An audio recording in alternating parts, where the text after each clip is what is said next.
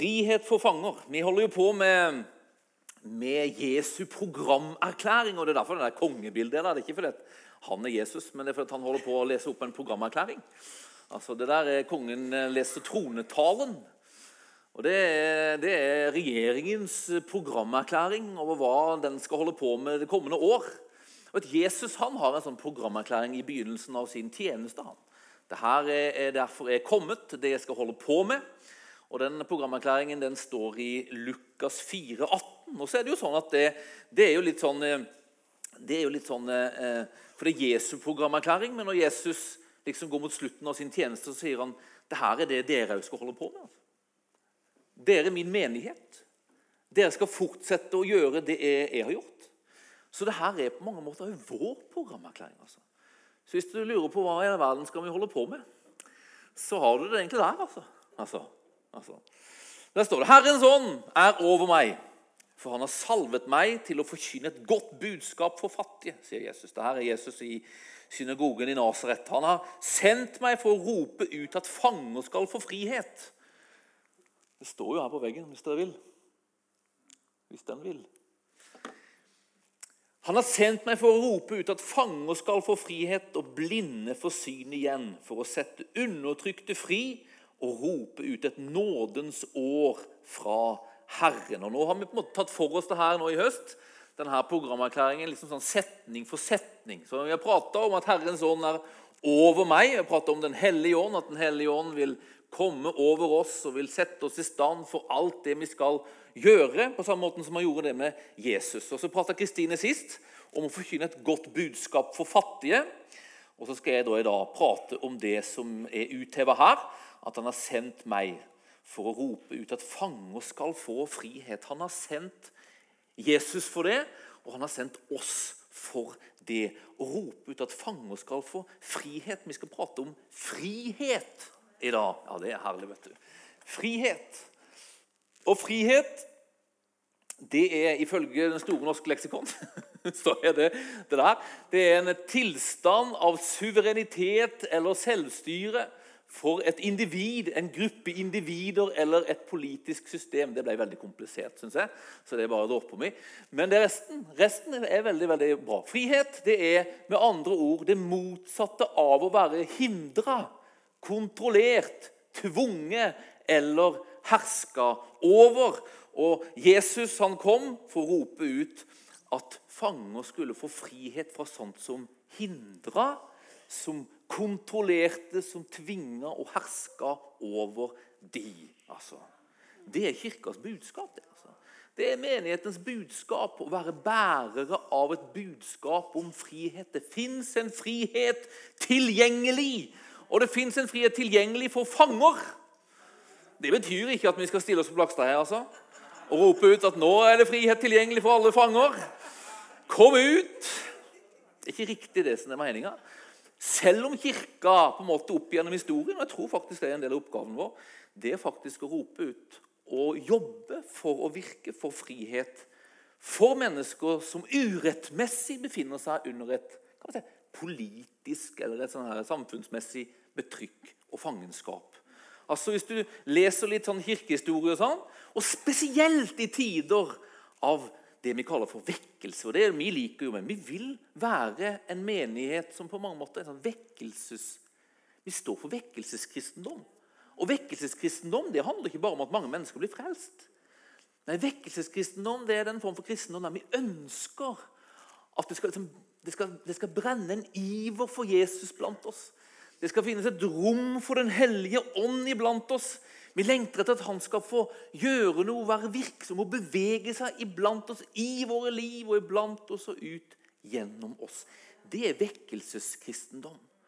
Og Knytta til den slags kristendom så har det gjennom hele kirkas historie vært knytta til et engasjement for mennesker i nød. For mennesker, mennesker i, i, under betrykk og i fangenskap på ulike måter. Hvis du for leser historien hvordan ble slaveriet avskaffa i England og USA, så finnes det en kjempetydelig kobling til vekkelseskristendom. Altså. I England var det jo en fyr som het William Wilberforce. Har du hørt om han? Ingen har hørt om han. Da har de mye å lese på. Altså. Han er en herlig figur. Han jobba i parlamentet i England og jobba i årevis altså, for å fri, for å, liksom, for å få avskaffe det engelske slaveriet. Og han var kjempekobla mot en som dere kanskje har hørt om, som heter John Wesley. Ja. Og da tenker jeg det var en fin fyr. Ja, Han var herlig. Han var vekkelsesmann. altså. Han var grunner av metodismen. Og Gjennom John Wesley gikk det en stor, sterk vekkelse over England på 1700-tallet. Og Kobla til den var det en sterk engasjement. Wesley var kjempeengasjert for å avskaffe slaveriet. Og han forsynte William Wilberforce med alle mulige slags oppmuntringer og utholdenhet. Og til slutt så lyktes han. Det er litt sånn, nesten sånn Jeg vet ikke om det er artig, men nesten litt sånn tragisk. At samme år altså det, Når han på en måte endelig klarte å lykkes med det her, og endelig avskaffe slaveriet i England, det var det året han døde. Han var på i 40-50 år altså, med den kampen. altså. Så knytta til vekk, Og òg i USA. Det var sterke vekkelser i USA på begynnelsen av 1800-tallet knytta til det. Et engasjement for å avskaffe slaveriet. Så det fins en sånn tradisjon der. altså. For kirka, de som vil vekkelse, og som står for det, òg et engasjement for de svake. Altså, og derfor, Vi vil være en sånn gjeng. altså. Så for oss å engasjere oss for mennesker i denne bygda, for å være en ressurs inn på en måte, for å være en sånn løsningsressurs inn i denne bygdas utfordringer av sosialt slag. altså Det fins. Altså. Det er naturlig for oss å ville være det, og vi vil være det. Det fins lenger ned i denne programerklæringen så det at han, at han roper ut en slags frihet for de undertrykte. Man må nesten se, jeg glemte hva det står. Sette undertrykte fri, står det. Det kommer en annen søndag, og da kommer jeg til å sette spesielt fokus på det her med sosialt engasjement. altså. Da kommer Odd Arild og Maria Berge fra Grimstad misjonskirke hit.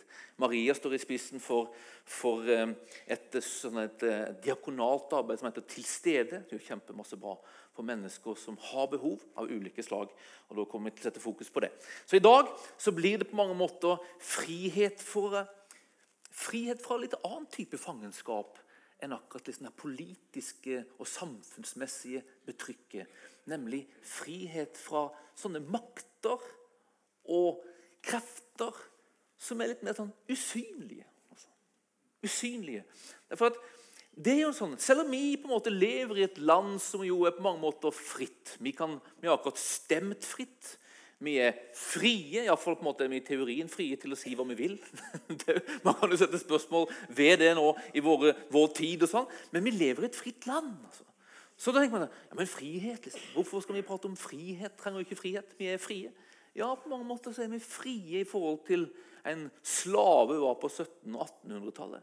Men allikevel så fins det i Froland, så fins det i Norge, så fins det i denne verden makter og krefter av et mer usynlig slag som faktisk virker og påvirker for å begrense oss. For å kontrollere oss. For å beherske oss. Det fins liksom usynlige krefter. Og man kan si sånn her, Bibelen prater om de her usynlige kreftene egentlig som synd, som ondskap. Når Bibelen prater om synd og ondskap, så prater den om de nærmest som krefter. Personifiserte krefter. Altså En av de første stedene der synd på en måte er beskrevet i Bibelen, er i første Mosebok kapittel 4. Syndefallet skjer jo i kapittel 3, og så blir de fordrevet ut av Edens hage. Adam og Eva. Og Så er det jo neste generasjon, Kain og Abel. ikke vel? Og så Jeg husker det der med historien om Kain og Abel, der, der der, eh, der Kain på en måte blir fylt av en slags harme eller misunnelse retta mot sin bror Abel. Og midt i denne prosessen, og når det som at det sniker seg på noe av denne liksom ondsinnheten hos Kain Han begynner å legge planer. og hvis, hvis, ikke du husker historien, så ender det med at Kain tar livet av Abel.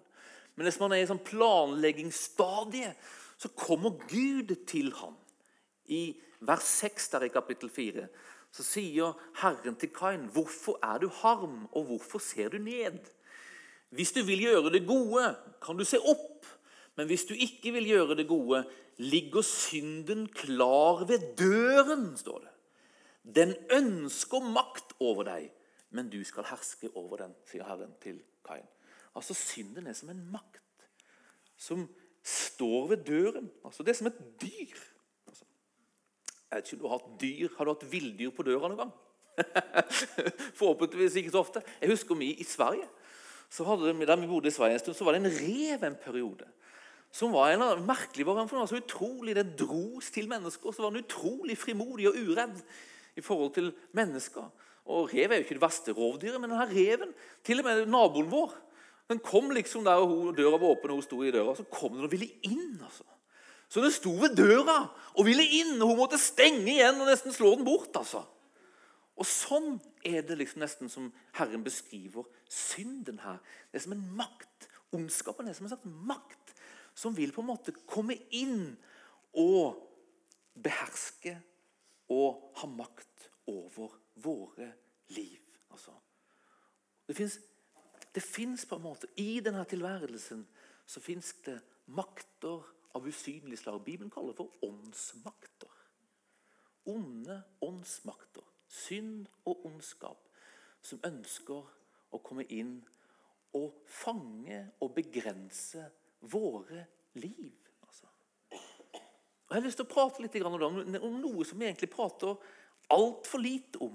Det er at i vår liksom, tilværelse som kristne så befinner vi oss i en åndskamp. Altså. En åndskamp. Og en åndskamp som ikke handler om at eh, om, om, måte, om, om, frelsen vil bli noe av eller ikke. For vi finner oss i en åndskamp på en måte som allerede er vunnet. Skal komme til litt etterpå. For Jesus på korset der, så vinner han seier over alle onde makter. Over synden, djevelen og døden. Altså. Så seieren er vunnet. Men allikevel så fins det en kamp. Som ikke handler om akkurat det, om det skal lykkes eller ikke, men som handler om om det skal på en måte få lov til å utbre seg i våre liv og i denne verden. Altså Det er som at det finnes onde makter som slåss mot oss som menighet. Altså, De skal ikke få lov til å holde på med det der oppdraget. Og så slåss de nærmest mot oss som enkeltmennesker. For liksom, hvis, det, hvis det kan, kan slå oss ut, så blir vi veldig sånn uvirksomme når det gjelder det og spre evangeliet, som Kristine prata så herlig om sist søndag. Så det fins en kamp og en strid som vi som kristne faktisk jeg tror merker enten vi vil eller ikke. Men jeg tror det er bra å være bevisst på det. Derfor er det bra å prate litt om det. For at vi tror på det. Og vi er en del av en kirke som tror på det. Vi er en del av et kirkesamfunn som tror på det. Dette er, dette er, noe som kanskje ikke alle har hørt om. Det er noe som heter Lausanne-pakten. Har du hørt om den? Nei. Ja, noen. Ja. Det er sånn at Vi er en del av liksom, eh, eh, en gjeng kristne som kalles for evangelikale kristne. Altså, Misjonskirka Norge er en del av evangelikal kristendom. Og I 1974 så, så var det masse sånne evangelikale kristne over hele verden faktisk, som kom sammen i Lausanne. Og Misjonskirka Norge sendte representanter dit. Bjørn Øyvind Fjell, hvis dere husker og vet hvem han er. Han var der som representant for Misjonskirka Norge. Og Da kom han sammen og så pratet man hva tror vi på som evangelikale kristne. Hva tror vi på som bl.a. Misjonskirka Norge? Og Da formulerte man det i noe som kalles for en Lausanne-pakt. Dette tror vi på. Og Der står det noe om hva vi tror om åndskamp. Det står sånn her. Vi tror at vi er midt inne i en konstant åndelig krig mot ondskapens åndemakter som prøver å ødelegge kirka og hindre dens oppgave med å evangelisere verden. Vi kjenner behov for å bli iført Guds rustning for å kjempe denne kampen med sannhetens og bønnens åndelige våpen, står det der. Dette er på en måte noe Misjonskirka Norge på en måte, det her, det her slutter vi oss til. Det her tror vi på. altså. Vi prater bare veldig veldig lite om det. altså. Altfor lite om denne åndelige kampen. En annen teolog han sier sånn her Åndskamp, sier han. Det er ikke en isolert del av kirkas tjeneste eller den kristne erfaring. Det er en integrert del. Det betyr at det er noe som på en måte bare er der av hele den kristne erfaringen. Den er et faktum som gjelder sjøle livet. Å tenke seg at en kristen kan unngå åndskampen, er som å tenke seg at garteren kan unngå ugress. Det er jo veldig bra sagt, altså. altså. For det er jo sånn, altså. Om du liksom, eh, Hvor mange gartnere er det tenker du som kan unngå ugress? Ikke, Det må være en slags ønsketenkning i så fall. Altså. Men veldig få. Hvor mange kristne kan unngå å kjempe mot åndsmakter? Ja, Det skulle kunne være en slags ønsketenkning. Men ingen kan det. For vi er på mange måter en del av det. Det føres en kamp imot oss. En kamp imot oss. Og vi er kalt til å måte ruste oss for å være motstandsdyktige altså, mot denne altså, åndskamp. Og det er mot de her åndsmaktene. Det er i denne åndskampen jeg har litt lyst i dag til å hevde at vi har allikevel noe som gjør at vi frimodig kan rope ut frihet. Frihet. Det fins noe som gjør at vi midt i denne kampen, midt imot alt som på en måte vil komme mot oss, kan rope ut og stå på frihet. Noe er skjedd som gjør at vi kan forkynne det, rope det, proklamere det, tro det og stå fast på at det fins frihet mot krafter og makter som vil fange og begrense i våre liv. På hvilket grunnlag kan vi gjøre det? Jo, vi kan gjøre det på to grunner. Og Det første er at Jesus har vunnet seier over den onde. Han har seira i åndskampen, står det. Ikke i landskampen, men i åndskampen. Altså. Seieren er vunnet. Altså. Seieren er hans. Altså. Det andre på en måte er at Gud, sier Bibelen, har gitt Jesus, seierherren, til oss som er hans menighet. Og vet du hva det betyr? Det betyr at seieren er hans, men seieren er òg vår. Seieren er vår altså, altså, vi kan rope det. Altså, seieren er vår fordi seierherren er gitt til oss. Jesus, han har vunnet seier. Bibelen beskriver det. Jesus gjør sjøl det. altså.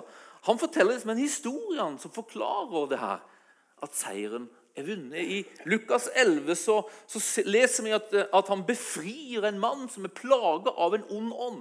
Han setter han fri. Og Så kommer de her liksom jødiske lederne som ofte liksom ute til å kritisere. Og så stiller de spørsmål hvordan har det her skjedd. Hvorfor har det her skjedd? Hvorfor kan du forkynne frihet for en som er fanga på den måten der? Hvorfor kan du sette han fri? Hvorfor? Og så forteller Jesus den enkle, lille historien om den sterke og den enda sterkere. og, så, og, så, sier han det her. Så sier han det her.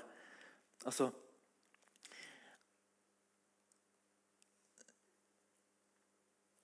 Jeg må slå det opp. Slå det opp, slå opp, slå opp. Nei, det står der. Jeg har det ikke i manus. Nå må jeg snu meg igjen. Så sier han, Når den sterke, sier han, med våpen i hånd vokter gården sin, får det han eier, være i fred. Ja, Hvem er det der, da? Hvem er den sterke? Ja, Det er djevelen, rett og slett. altså. Det er liksom denne onde ånders fyrste. Altså Det er sjefen over de onde åndene som akkurat har måttet gå fra denne mannen som har vært plaga. Det er sjefen over alle onde ånder som vil plage og begrense til og med mennesker her i Froland. Altså. Han er den sterke. Han har hatt våpen han i sin hånd som gjør at han kan holde fanger i sin gård. Og ingen kan rokke dem. Men, sier Jesus, nå har det skjedd noe. For nå har det kommet en annen. Nå har det kommet en som er enda sterkere. Hvem er sterkest? Den sterke eller den enda sterkere? Den enda sterkere har kommet. Hvem er det? Det er Jesus sjøl. Altså, nå har han kommet og han har overmanna den sterke. Og han har liksom overfalt han nærmest, overmanna han, bundet han, knebla han. Gjort han maktesløs. Og da tar han fra den sterke alle våpnene som han satte sin lit til, og fordeler byttet. Hva var våpnene djevelen satte sin lit til? Det var våre overtredelser. Våre overtredelser. En preken i seg sjøl. Altså. Men Paulus prater om at det finnes et skyldebrev som djevelen på en måte bare holdt opp. Anklager oss. For de som har gjort overtredelser mot Guds lov, de tilhører på mange måter djevelen. De kunne han holde liksom fanga i sin gård. Men nå sier Paulus at skyldebrevet er sletta ut. Det betyr at djevelens våpen er tatt fra ham. Han har ikke noe å komme med lenger. Han har ikke noe våpen lenger imot oss. Han er avvæpna. Han er beseira. Og frihet er vunnet for oss. Frihet er vunnet for oss fordi den enda sterkere har kommet og overmanna den sterke. Og Det må vi vite, altså. Det må vi vite. Og det andre som vi må vite, eller iallfall er bra om vi vet, det var ikke det, det er det at den her enda sterkere, han er gitt til oss. Han er gitt til oss. Det står i Efeserbrevet 1 hvis du vil lese det kapittel 1, vers 22 ja, i Efeserbrevet, så står det det at han, Kristus altså, Alt er lagt under hans føtter, altså seieren er hans. Og han, som er hodet over alle ting, det er jo Jesus, ga han til kirken. Han som har seiret, altså, gav Gud til menigheten. Det betyr at vi har fått han. Og Det gjør at når Jesus prater om menigheten, så prater man om en, måte, en gjeng som mennesker som faktisk har på en måte muligheten til å nærmest utøve makt sammen med han. Så muligheten til å på en måte forkynne Det finnes frihet. Og som til og med har mulighet til å proklamere frihet. Fordi han har vunnet den, og han vil, holdt jeg på å si, utbre den. Vi har fått myndighet til å samarbeide med han. Samarbeide med han. Han sier Jesus Til Peter så sier han det her Du er Peter, og på denne klippa vil jeg bygge min kirke, står det i Matteus 16. Han vil bygge sin kirke. Og dødsrikets porter altså djevelen og hans, hele hans hær, skal ikke få makt over den. Hvorfor får ikke han makt over den? Fordi Jesus er her. Utrolig sterkt det der, altså. Jesus er her. Kristin har gått og grunnet på hele uka. altså. Der to eller tre er samla, står det i Matteus 18. Der er jeg midt iblant dere. Altså. Han er her. Han er hodet over denne menigheten. Han eier den. Han er her. Og fordi han er her, så har ikke djevelen makt over den. Og så står det Jeg vil gi deg himmelrikets nøkler. Det du binder på jorden, skal være bundet i himmelen. Og det du løser på jorden, skal være løst i himmelen. Altså Sammen med Han så kan vi nærmest iverksette det Han vil. Hvis han vil frihet, så kan vi proklamere den i hans navn. Og så skjer det fordi han står bak det og virker i det. Han backer det opp. Og fordi han backer det opp, så kan vi påvirke. Vi kan påvirke. Vi kan til og med påvirke inn i en åndskamp der vi egentlig ikke har gjort noe, men han har vunnet seier. Han har vunnet seier. Så vi er sendt til å forkynne frihet for fanger. Ikke fordi at vi kan på en måte iverksette noe frihet for fanger, men fordi han kan det. Altså Når djevelen på mange måter kommer og møter oss,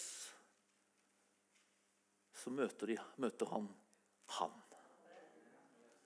som har beseira ham. Og Dette er grunnlaget for at vi kan forkynne frihet for fanger. Det fins frihet. Det fins frihet til mennesker som på en måte er begrensa, som er kontrollert, som er, som er på mange måter av destruktive krefter og makter i denne verden.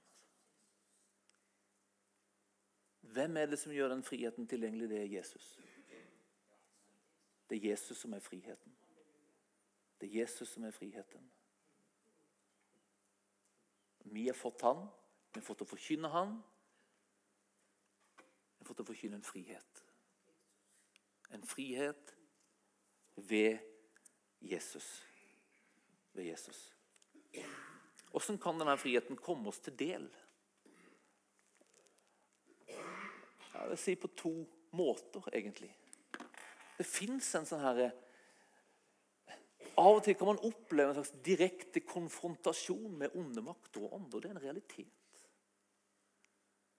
Der vi ved å proklamere navnet Jesus på kan, kan på en måte erfare at mennesker får sin frihet igjen, men sånn en direkte konfrontasjon. Altså.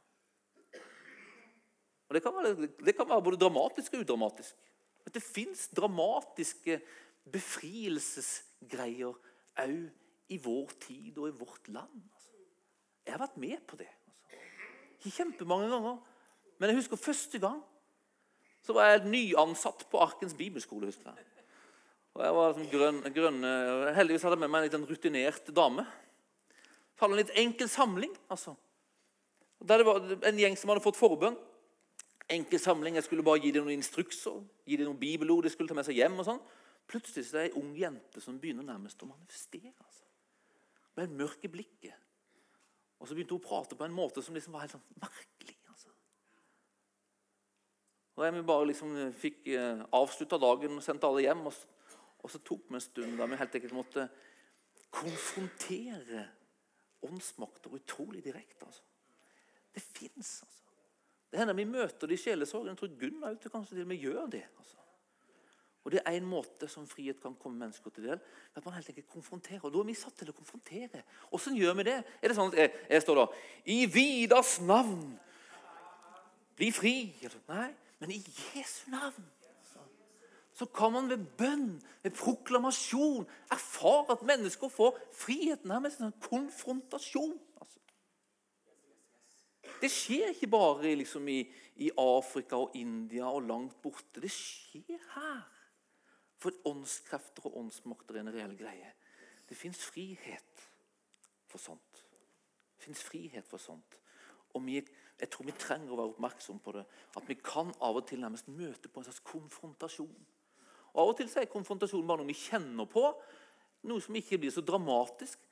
Men ved, ved navnet Jesus så skjer det likevel noe alltid. Det tror vi, fordi vi tror på hans navn. Vi tror på hans navn. Vi tror på hans navn.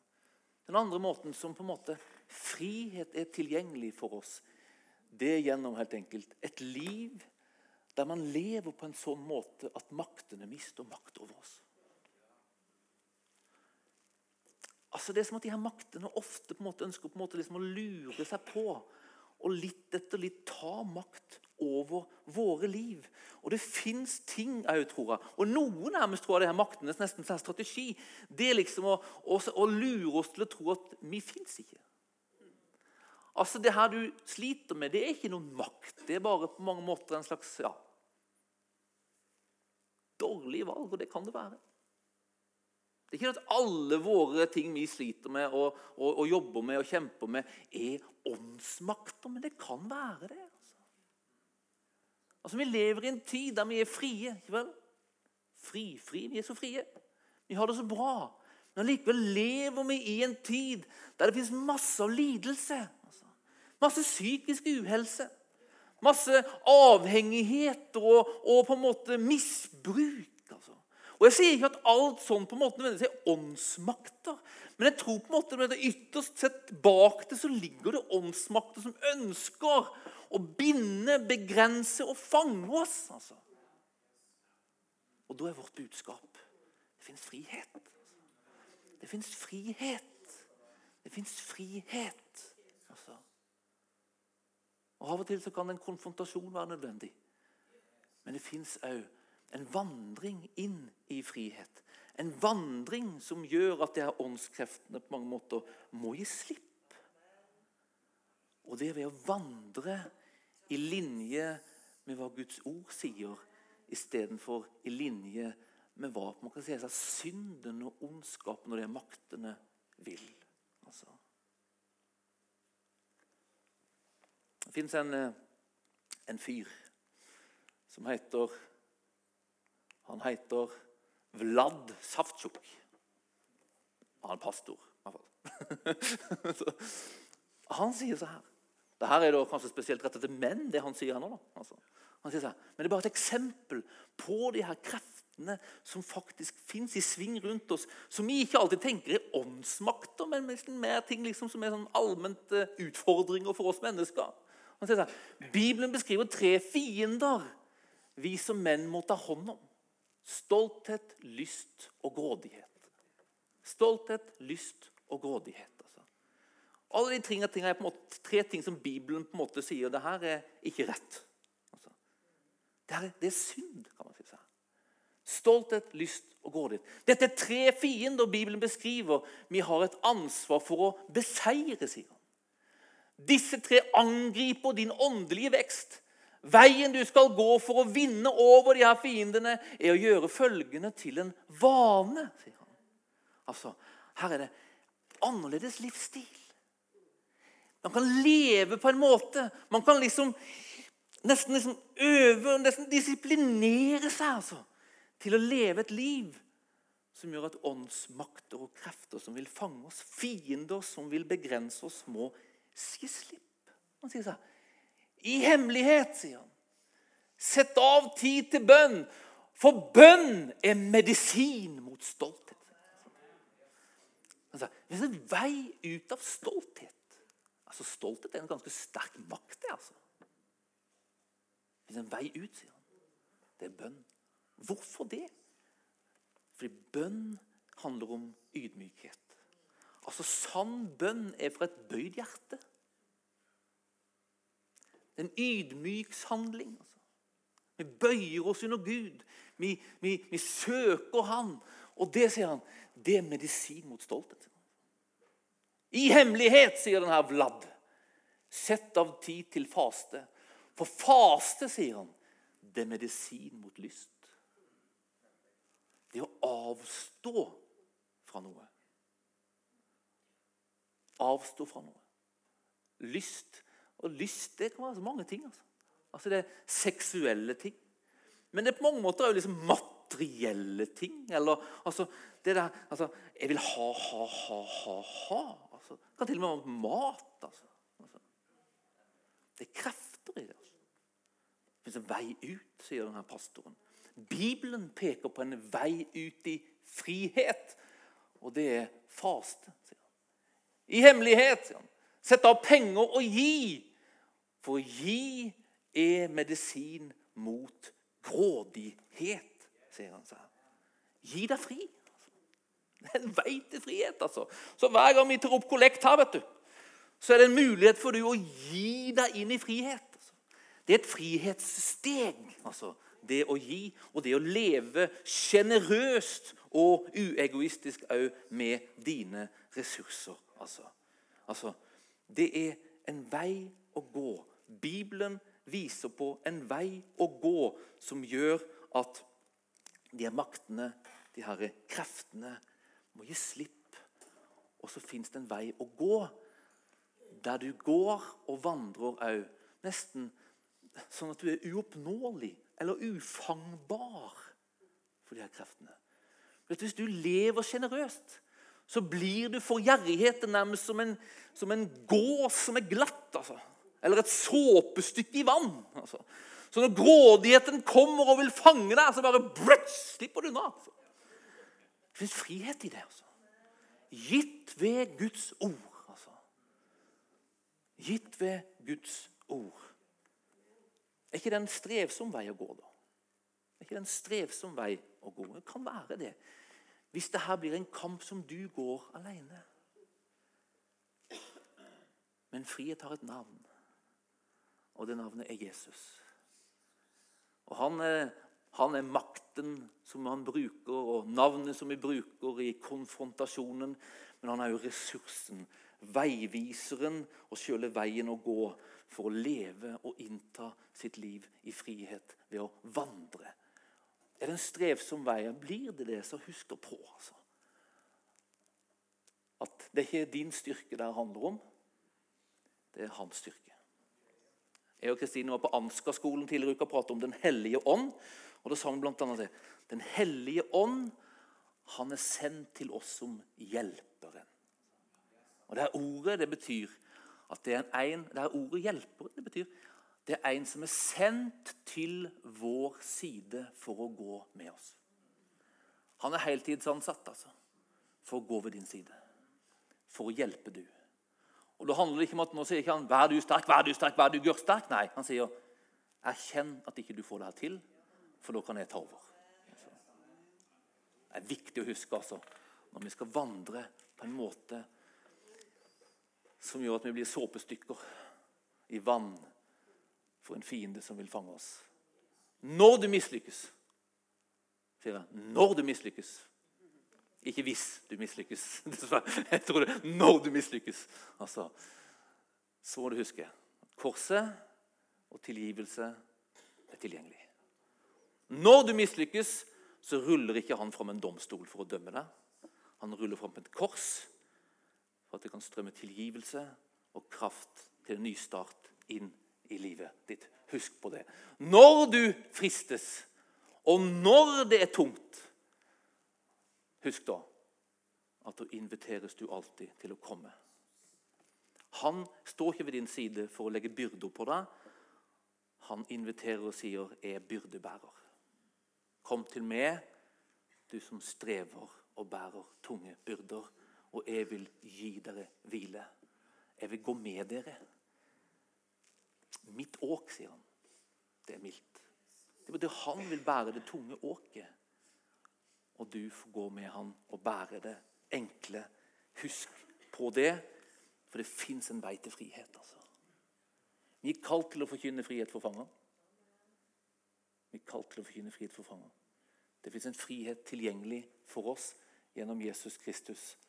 Og så er det viktig å huske på den friheten handler ikke først og fremst faktisk om å, at du er fri til å gjøre alt. Altså, det handler ikke om en frihet som handler om at vi er fri til å gjøre alt. Men egentlig handler det mer om at vi er fri til å ikke trenge å gjøre alt. altså, altså Det en frihet som har et større hensikt enn at du skal få gjøre hva du vil. Det er en frihet som er tenkt å sette deg fri til å egne deg til det han vil. Vet, alle de destruktive kraftene ønsker egentlig å sette fokus på du. Og få blikket ditt ned og inn i navlen. Og Det er kun frihet som gjør at vi kan løfte blikket og tenke jeg trenger ikke leve for meg sjøl. Jeg vil heller leve for Han som har gitt sitt liv for meg. Det er frihetens mål. Den bibelske frihetens mål. Det er å tjene Han. Sakarias, pappaen til døperen Johannes, han profeterte om Jesus og sa at når han kommer, så skal han frelse oss fra våre fiender, eller sette oss fri for våre fiender, sånn at vi kan tjene Han uten frykt. Frie til å tjene Han. Det er hans mål. Djevelens mål er å fange oss så ikke vi kan gjøre det. Guds mål er å sette oss fri, så vi kan tjene han. Frie uten frykt. Frie og frimodighet. Frihet for fanger.